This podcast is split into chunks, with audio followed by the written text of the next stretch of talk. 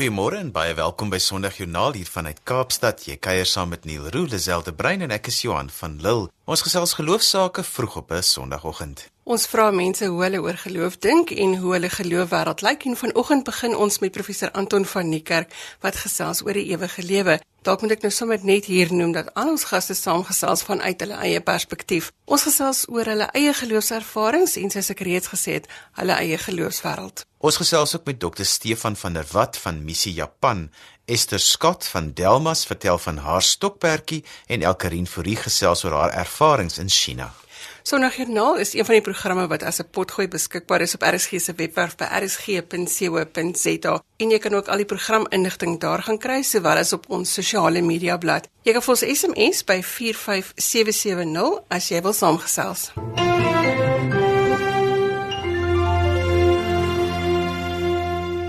Ons het voor verlede week met professor Anton van die kerk gesels oor die dood en hy is vanoggend weer by ons in die ateljee. Professor van die kerk is die direkteur van die Sentrum vir Toegepaste Etiek. Hy is ook 'n uitgeleese professor in filosofie by die Universiteit van Stellenbosch. Môre professor. Môre Lisel, môre Johan. Professor, as ons nou oor die dood gesels, dit is iets wat baie trauma in mense se lewe veroorsaak. Vanoggend wil ek 'n bietjie die moeilike vrae vra oor die lewe na die dood. Hoe sal ons nou weet oor hierdie lewe? Dis 'n baie baie goeie vraag. Ek dink ons moet ons eie rasionele vermoëns ook 'n bietjie beter vertrou en, en en bereid wees om 'n bietjie avontuurlik ook baie keer oor hierdie sake te dink en daaroor besin. Hoe sal ons weet dat ons onsself bevind in 'n lewe na die dood? Is die lewe wat ek en jy op die oomblik lei, veral wat ons weet nie dalk al 'n lewe na 'n vorige lewe of na 10 vorige lewens en wat ook al nie. Die voorwaarde om te weet dat dit 'n lewe na die dood is, is dat 'n mens 'n herinnering sal moet hê aan die sogenaamde eerste lewe dan wat jy gehad het en aan jou dood en aan die einde daarvan. Dit lyk my is ononderhandelbaar. 'n Tweede belangrike vraag is hoe sal ons weet hierdie lewe na die dood is die lewe waarvan die kerk ons altyd vertel het. né? Nee? En die kerk vertel ons die verhaal van daar sal ons met God verenig word en daar word allerlei wonderlike beelde gebruik van ewigdurende uh, koraalsange. Ek weet nie of dit altyd so 'n vreeslike aantreklike idee is om jy weet onbepaald te staan en sing nie. Ek het 'n boek gelees van verskeie mense wat nou al gesê het hulle teruggekom van die dood af en almal vertel van die strate van goud ja, en die gordyne wat ja. waai in die wind en dan laat mense nou nogal wonder ja. oor oor hoe sou dit nou lyk? Hoe sou dit nou lyk? Ek bedoel nou goed en daaroor kan ons uit die hart van die saak nou maar net spekuleer as daar so iets sou wees. Maar ek dink 'n baie belangrike vraag is is hoe sal ons weet ons het met God te maak? Die die ou Katolieke het 'n leerstelling gehad wat gesê het in 'n lewe na die dood sal ons God sien. Wel is is dit wat ons glo dat ons God sal sien? Wat sou dit kon beteken om God te sien? God is nie 'n objek in die ruimte nie. Dit erken ons almal. God het eienskappe wat ons op geen manier kan kontroleer nie. Ons sê van hom dat hy almagtig is, alomteenwoordig is, alwetend is. Hoe sal ons weet? Ons het te maak met 'n wese wat daai soort eienskappe het. So dit dit is al klaar uh ook vir my geheel en al nie duidelik nie. Wat wel as ek nou wel 'n lansie mag breek vir die Christendom, wat wel interessant van die Christelike geloof is is dat in die Christelike geloof word gesê daardie God weet wat hy ook al mag wees en ek dink nie ons kan eers begin om te probeer begryp waarom waarvan ons praat nie.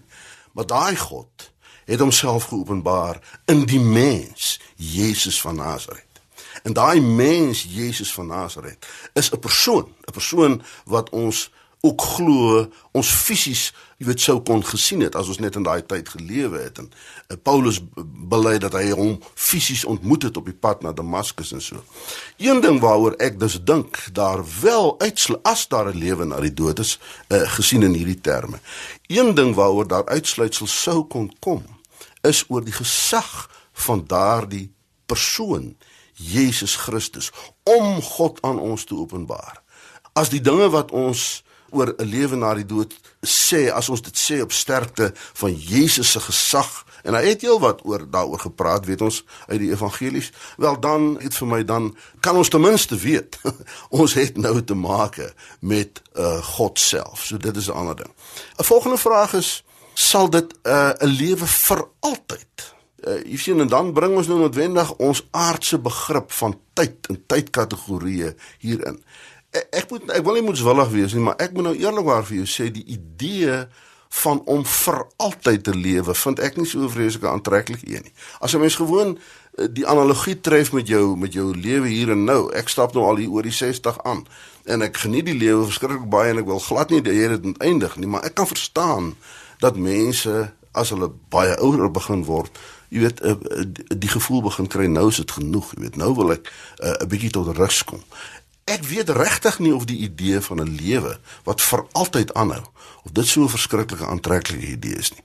Uh, ek weet nie of daar tyd is nie, maar dan is daar nog 'n derde vraag uh, en dit is of dit 'n lewe sal wees sonder enige pyn of lyding. Dis ook 'n ander vraag, nee. Kan ons ons 'n wêreld voorstel wat so is dat die moontlikheid van enige pyn of lyding uh uitgeskakel is, nê? Nee.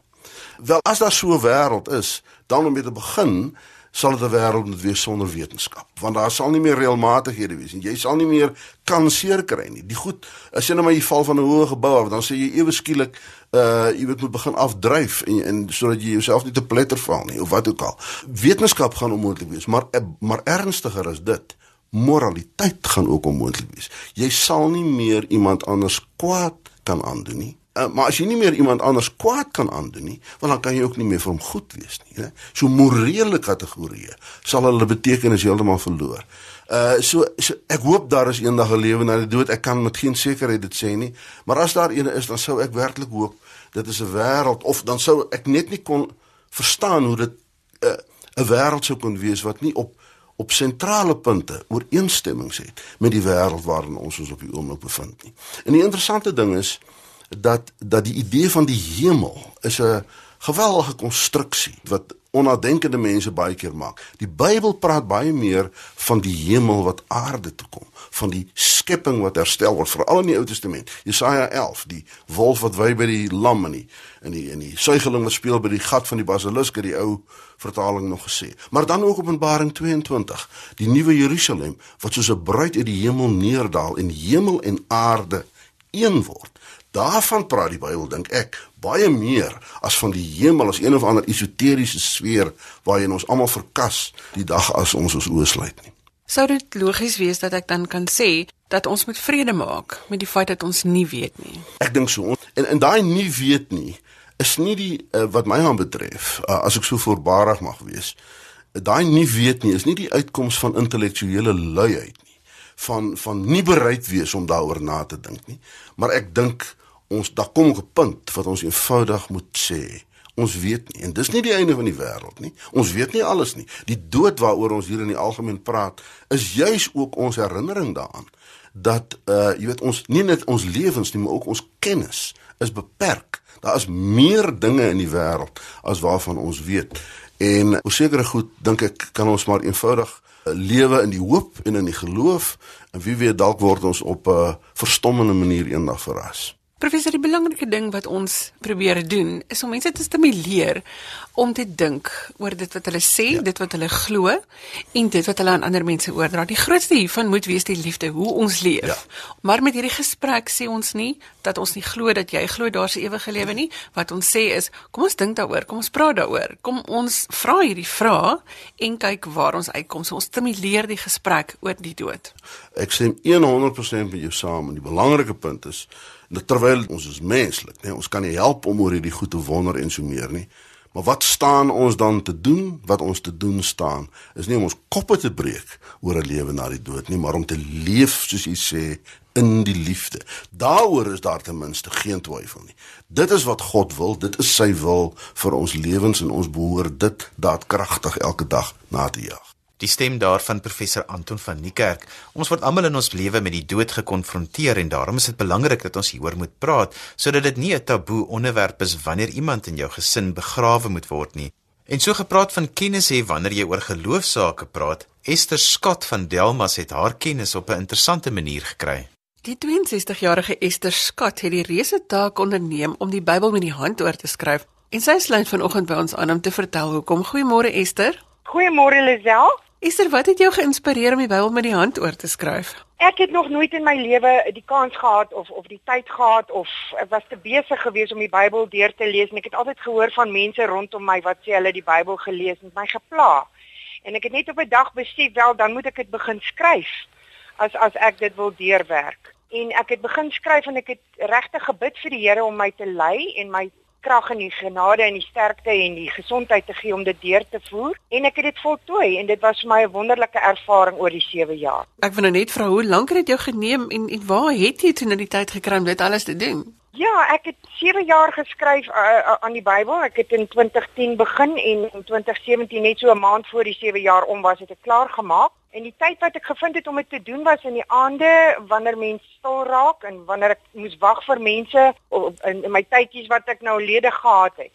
Dan het ek by die, die skrywery uitgekom en dit het my stilte tyd oorgeneem en ek het naderhand begin soek na hierdie tye om dit te doen en dit het my teruggeroep elke keer na die Bybel toe om aan te gaan met die skrywery. En dit het regtig 'n uitdaging geword wat nou 'n plesier geword het aan die einde. Is daar so hoeveel penne moes jy gebruik of het een pen die hele ding gedoen? Nee, ek het dus so plus minus 15 balpuntpenne leeg geskryf. Nou dalk dan nou nie altyd die dieselfde penne gebruik en so nie. Partykeer het ek in kleur geskryf soos wat die gevoel nou was en my emosies nou maar met my gespeel het. Uh en dan het ek uh, die aankant aantekeninge ook, ook gedoen sodat in in highlighters, jy weet, penne wat wat 'n uh, kleur is, sodat mens maklik kan opkyk waar jy weer wil teruggaan op die woord en weer wil goed gaan uh, duidelikheid kry daaroor, het ek dit so gebruik. Hoeveel boeke? Ek het 5 van hierdie swart ledger boeke gebruik. Uh aantekeningboeke. Party is dikker en party is dunner, is maar soos ek in die hande kon kry om te skryf baie fyn teen mekaar geskryf sodat ek nie bladsye en papier mors nie. Ek moet jou sê ons het by die Bybelstudie 'n ding waar ons probeer leer om verse te onthou en ek het Psalm 23 geskryf. Dit het my baie lank gevat. Maar wat was vir jou die uitdagings met die skrywery? Dit was my wonderlike ervaring. Uh weet jy uh, om om te weet jy hoor altyd die teksvers of of daai jy hoor 'n preek oor 'n sekere gedeelte en so aan. Jy kry nie regtig altyd die konteks van die tema van daardie gedeelte nie. So ons trek hierdie losverse uit die Bybel en weet jy dit het vir my begin sin maak toe ek dit in konteks oorgeskryf het. En dit was vir my die uitdaging om dan meer uit te vind rondom daardie gedeeltes waaroor dit eintlik gaan en wat gaan daaraan wat ek moet weet en waaruit ek kan leer en wat wat kan dit vir my beteken aan die einde om beter te verstaan. Sê dit klink vir my nou 'n fascinerende proses.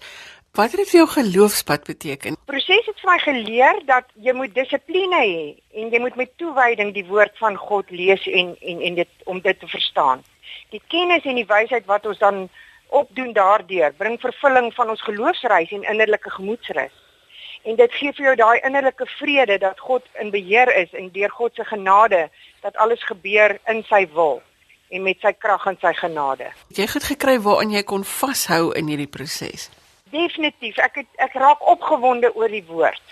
En ehm um, dit is dit is lewendig. Jy weet die woord ons vind vir God daar en uiteindelik vind ons onsself in die woord. En nadat ons vir God raak gelees het, dan leer ons om hom ook raak te leef. En dan sien ons en ontdek ons God ook in die klein dingetjies van ons elke dag se lewe. Here lei ons dan deur sy woord dat ons as regverdiges kan lewe en dat ons die geregtigheid kan doen wat elke dag van ons geverg word. Ons leef nou absoluut in 'n in 'n proses van tegnologie.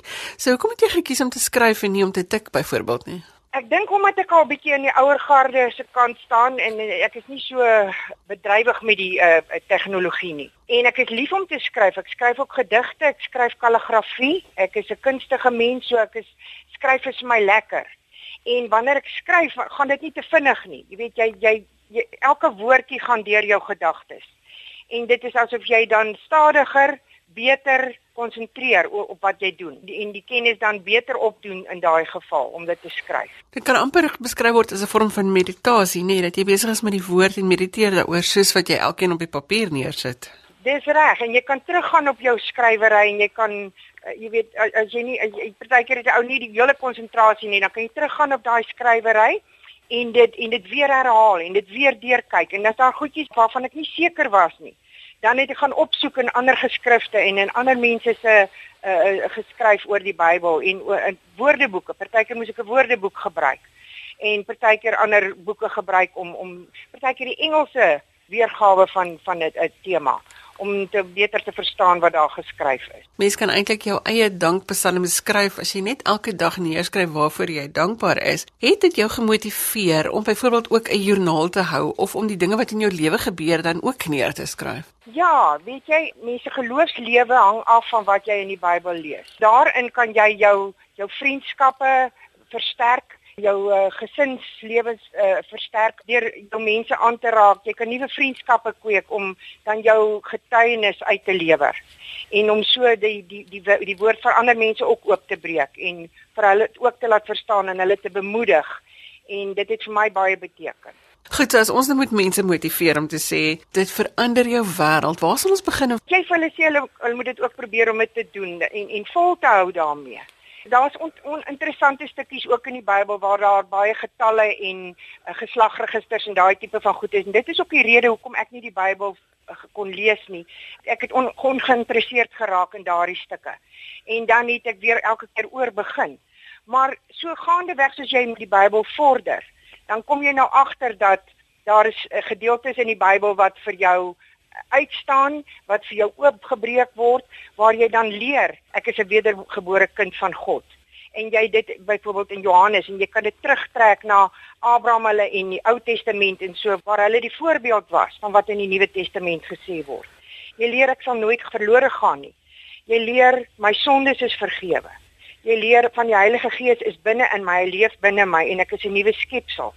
En die mense soek dit vandag en En as hulle hierdie Bybel kan deurlees en deurwerk, dan gaan hulle dit vind. Dit gaan vir hulle daai gemoedsrus en daai geloofsekerheid bring. Watter Bybel gebruik jy nou om uit te lees? Gebruik jy die Bybel wat jy geskryf het of die een wat gedruk is? Ek gebruik die een wat ek geskryf het, die 1983 vertaling. Dis maar my ou Bybel. Hy is al omtrent so slap slap handboek soos ek hom al gebruik het deur my jare.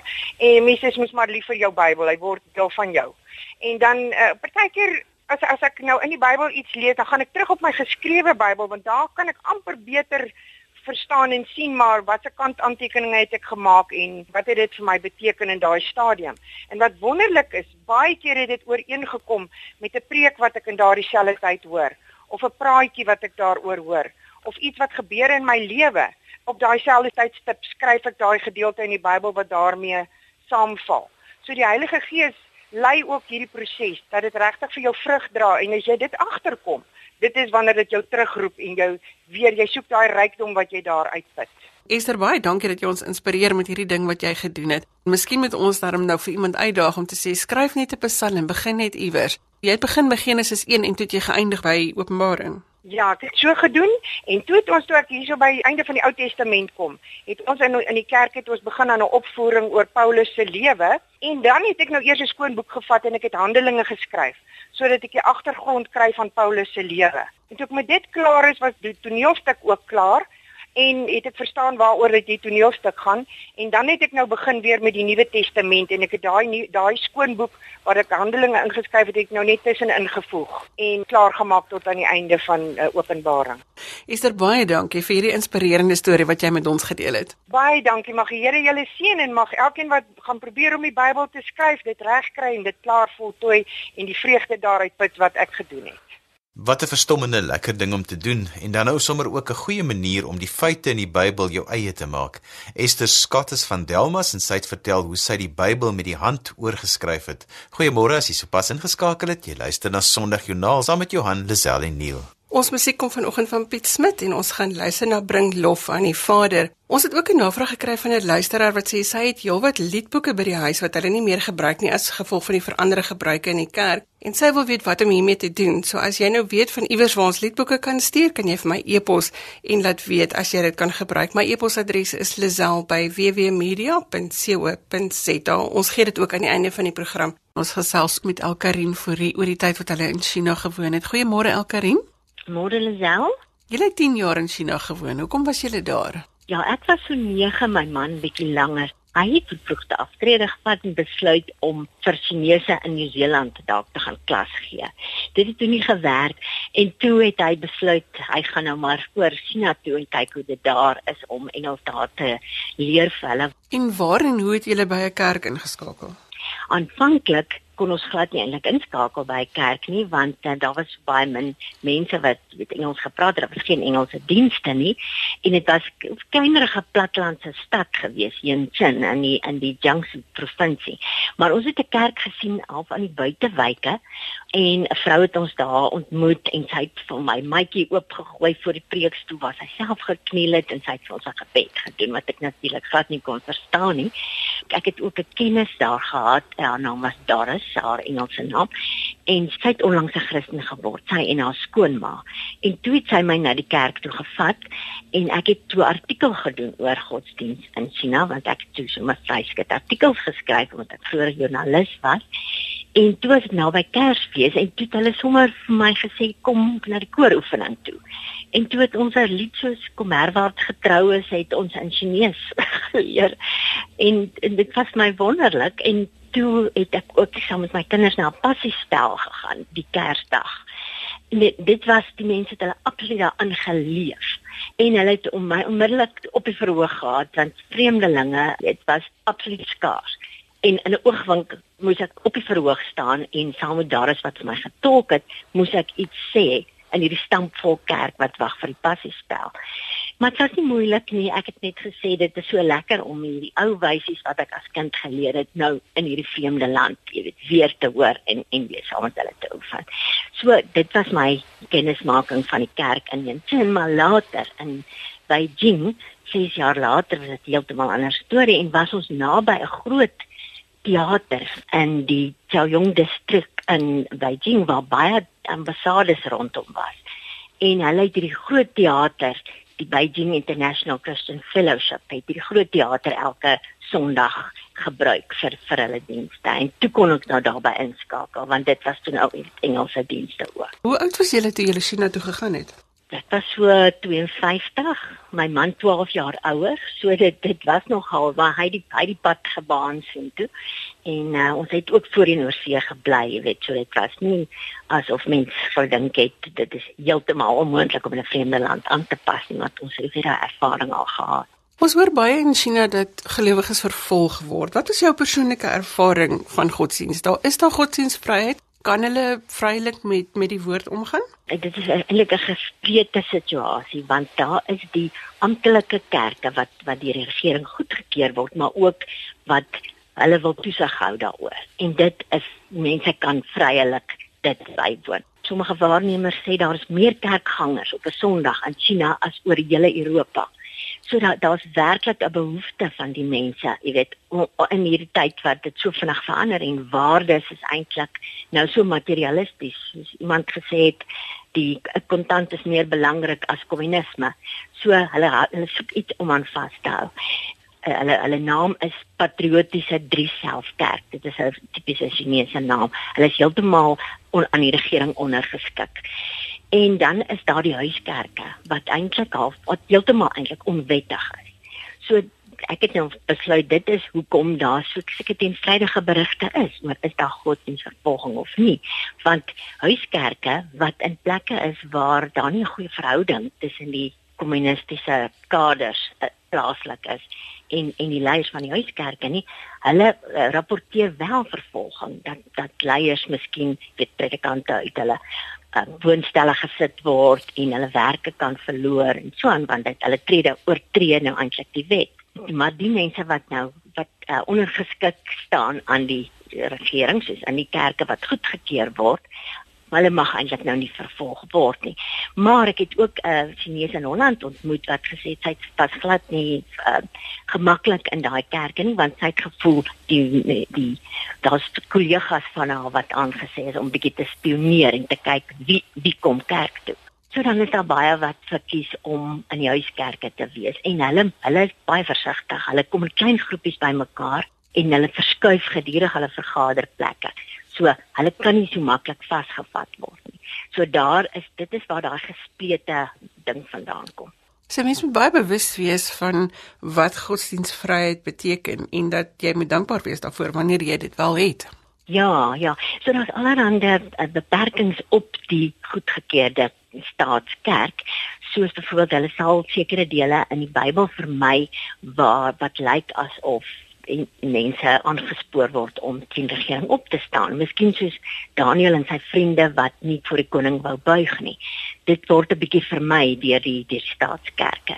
En hulle hulle moet dan allerhande monitering daarmee moet hulle verlief neem. Die predikant mag byvoorbeeld net preek waar hy ingedeel is en dan kinders mag nie geëvangeliseer word nie want hulle voel dis dis indoktrinasie die, die kind moet self besluit jy weet en al sulke goed dan hulle as as gelowiges nou bereid is om hulle daan te onderwerp dan word hulle nie vervolg. Alker natuurlik die groot vraag is wat het dit vir jou eie persoonlike geloofslewe beteken om met hierdie mense saam te leef en te werk? Weet jy die die um Chinese het nogal veral aan die begin het ek gevind hulle dink elke uh, vreemdeling, 'n uh, westerling is Christelik wat wat natuurlik al hoe minder so is. Ons het later ook 'n uh, ander werk gedoen en al ons kollegas was dan nou westerlinge wat Engels sprekende en hulle was glad nie gelowig nie terwyl ek in my klein kring Chinese wat ek ontmoet het, kan ek vir jou vier noem wat Christene geword het. So dis werklik vir besig om om te vermeerder.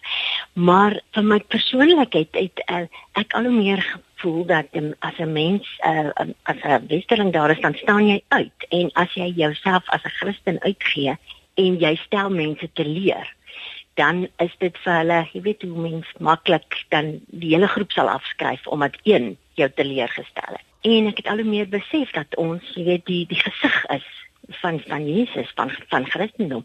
En die Chinese is mos nou eintlik beroemd of berig daarvoor dat hulle nie gesig wil verloor nie soos die Engels al sê hulle want to say face.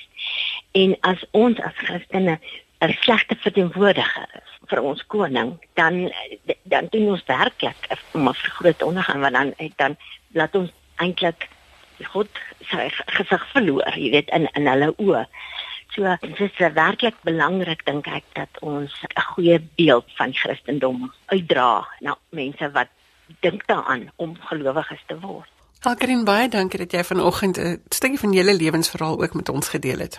Dis 'n plesier self. Die stem daarvan Elkerin Fourie.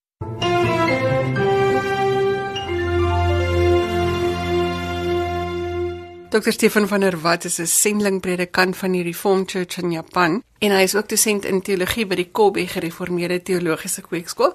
Maar vanoggend is ons gelukkig om hom hier by ons in die ateljee te hê in Kaapstad, alipad uit Japan. Net goeiemôre Dr. van der Walt.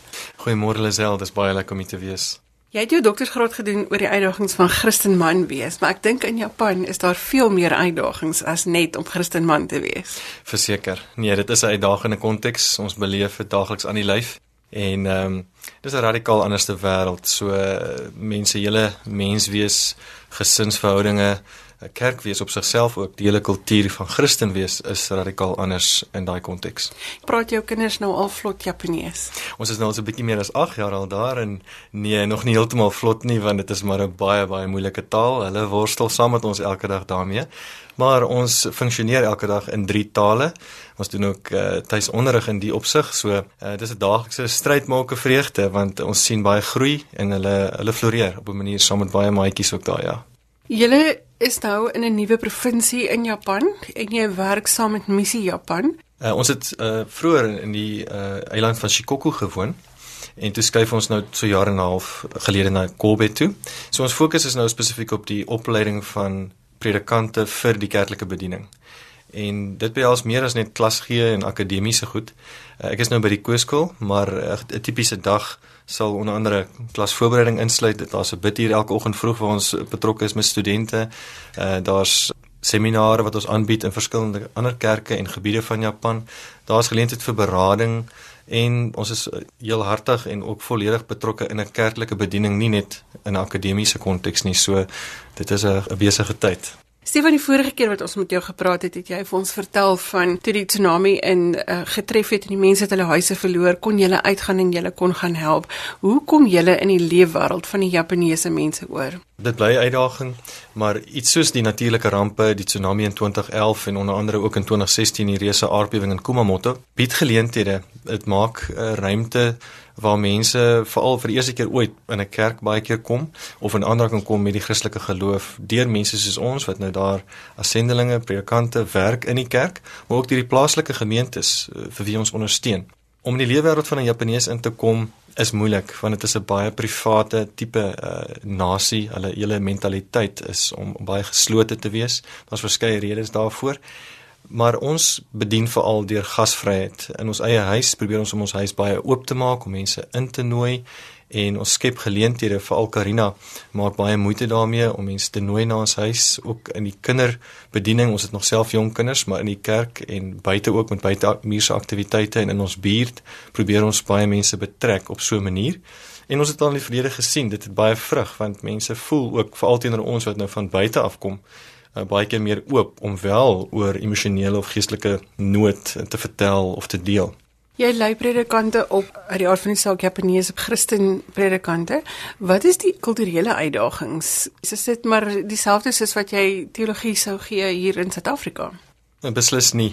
Eintlik is die studente wat by ons kweekskool is nie net Japanees nie, dis ook baie Suid-Koreaanse studente wat kom na die kweekskool wat dan nou weer eerstens Japanees moet aanleer en dan kom studeer hulle daar. Om 'n predikant op te lei in Japan vir 'n kerklike konteks waar die gemiddelde grootte van die gemeente 30-35 mense is, het spesifieke uitdagings omdat die die tradisionele gemeente se se toespitsing is eintlik maar om te oorleef in 'n totaal nie Christelike konteks waar daar net 1% Christene is.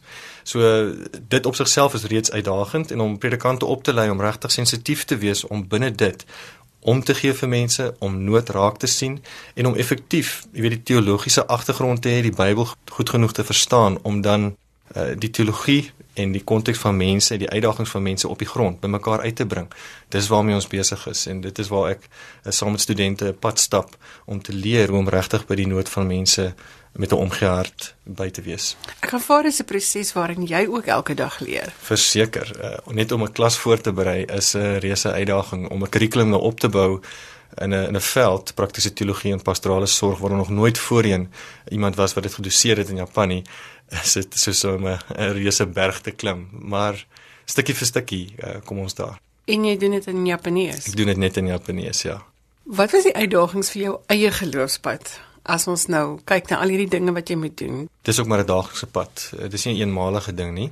Ek dink vir enigiemand wat daar werk, veral as jy langer daar is, besef jy sonder 'n baie duidelike roeping is daar geen sin om daar te wees nie. So in die eerste plek vir my het ek 'n baie helde oortuiging dat die Here ons geroep het. Dis nie net 'n individuele ding nie. Hy het dit bevestig deur baie baie mense rondom ons op te rig wat vir ons bid en 'n netwerk van ondersteuning vorm. So binne in dit is dit maar 'n daaglikse pad binne 'n konteks waar ek baie keer ook as dan nou sendeling of ons as gesin baie eensaam kan raak of geïsoleerd kan voel, is dit maar daaglikse pad om jouself afhanklik van die Here te verklaar en in genade, jy weet, vorentoe te stap. So Uh, mens sien nie vrug op jou arbeid baie maklik nie. Dis 'n ander kenmerk van die Japaneese uh, konteks. Baie keer word dit genoem 'n begrafplaas vir sendelinge. Sommige ander het dit al 'n moeras genoem vir eerste sendelinge wat uh, uit uh, Spanje gekom het in die 1600s. En tussen 'n moeras en 'n 'n begrafplaas is daar is daar min leefruimte. So ja, dis 'n konteks wat 'n mens kan afbring grond toe verseker. Maar maar dit is ook 'n plek waar jy dan opnuut veral binne die kerk in Japan met die plaaslike mense 'n stuk eenheid en samehorigheid ervaar omdat dit ons broers en susters in Christus is. En ons voel baie keer hulle vertrou ons met so baie in die bediening. Hulle gee vir ons baie geleenthede. Tog is daar dan ook daai vervulling dat ons is besig met iets wat 'n verskil maak, wat sinvol is en ons doen dit onder toesig en leiding van die plaaslike kerk. Ons ons maak maar bloot hulle hande sterk en bemoedig en ondersteun hulle. Hoeveel Suid-Afrikaners is daar in Japan en kom julle ooit bymekaar? Wel, Suid-Afrikaners as sulks kan ek nou nie vir die getal presies noem nie. Ek weet daar's 'n klompie rugby spelers en daar's 'n enkele klompie Suid-Afrikaanse sendelinge van ander organisasies ook waarvan ons bewus is veral in die Noordooste. Maar as deel van Missie Japan is dit dan nou ons op die stadium en nog twee ander uh, sendeling onderwysers, Gys en Linda Olivier met twee kinders. Hulle is op die eiland Shikoku waar ons voorheen was in in 'n stad Kochi en hulle maak groot verskil in die in die skool waar hulle werk uh, om uh, deur Engelse onderwys en deur Bybelstudies met die studente by die skool ensovoorts regtig sinvolle bydrae te maak. So dis ons. Stefan, waarmee kan gelowiges in Suid-Afrika julle hande in Japan sterker maak? Dankie Lisel. Weet jy, ek eh, begin maar weer van voor af op besef hoe belangrik gebed is. Dit is iets wat ons dra en wat ons weet uh, vir ons opdrag is as 'n geloofsfamilie om saam te bid vir die Japaneese kerk in eerste plek vir 'n land uh, wat ek glo honger en dors is vir 'n vir 'n dieper waarheid en werklikheid wat hulle nie altyd ooglopend sien as gevolg van jy weet materialisme en 'n klomp faktore wat hulle blind maak nie. So gebed is is die fondament van wat ons daar doen. Maar mense reik uit na ons op verskillende maniere. Ondersteuners het kontak met, on, met ons via e-pos of Skype. Wat wonderlik is, dit bemoedig ons baie. En soms kom groepe na ons toe om te besoek met uitreike of met afvaardigings van die kerk af. En dis alles deel van 'n van 'n span. Ons voel is 'n dis 'n vennootskap en 'n netwerk wat wat 'n groter geheel prentjie vorm van die NG Kerk familie en die plaaslike gereformeerde kerk van Japan wat regtig nou na 45 jaar 'n dieper en 'n dieper pad stap. As ek so dink aan die twee verskillende kontekste en hoe dit radikaal verskil in my ervarings oor die afgelope jare daar, dan kom ek hier en dan sien ek baie keer dat die kerke en gelowiges hier miskien net baie maklik as vanselfsprekend aanvaar dat kerke en skole, jy weet, 'n Christelike agtergrond deel en dat mense in jou vriendekring Christene is en uh, so daai tipe van leefwêreld is iets wat heeltemal onbekend is vir 'n Japanees waar daar 1% Christene is en waar daar geen verbintenis is tussen die instansies in die in die samelewing en die kerk noodwendig nie. Net om die kerk sigbaar te maak in die onmiddellike buurt is 'n soort van 'n eerste roeping gewoonlik vir 'n gemeente. So ek dink die vanselfsprekendheid wat mense het in Suid-Afrika dat geloof en 'n Christelike agtergrond ensovoorts iets is wat maar net nog altyd 'n deel van die geskiedenis was. Uh dit is nie iets wat in in Japan uh, so is nie. So ek sien dit by die Japaneese Christene 'n uh, 'n stuk vitaliteit en 'n stuk toewyding wat geweldig diep is omdat die erns wat hulle maak met die evangelie um, en met kerk wees uh regtig waar iets is wat hulle hele lewe beïnvloed en raak. Ons het gesels met Stefan van der Walt van Missie Japan. Die Christelike Gereformeerde Kerk van Japan het weer onlangs 'n amptelike versoek gerig aan die NG Kerk familie om deur middel van Missie Japan gelowiges na Japan te stuur om daar te gaan help. Daar is 'n spesifieke behoefte in die ring van Shikoku Eiland vir gelowiges wat onder andere kan fokus om met Japaneese jong mense te werk. Missie Japan se kontakbesonderhede is beskikbaar by www.missiejapan.co.za. En daarmee tyd geword vir my om te groet tot later vanmiddag wanneer ek weer agter die mikrofoon inskuif vir ons in die onderwys van my Johan van Dil. Totsiens. Er is gehou jou geselskap vir die res van die dag met heelwat interessante programme en as jy met Sondagjoernaal wil kontak maak, kan jy vir ons 'n e-pos stuur by Lazel by www.media.co.za. Dis L E Z E L E by www.media.co.za. Of jy kan ook vir ons 'n boodskap stuur deur die webwerf by rsg.co.za. Tot volgende week groet ek namens produksieregisseur Neil Roo. Totsiens.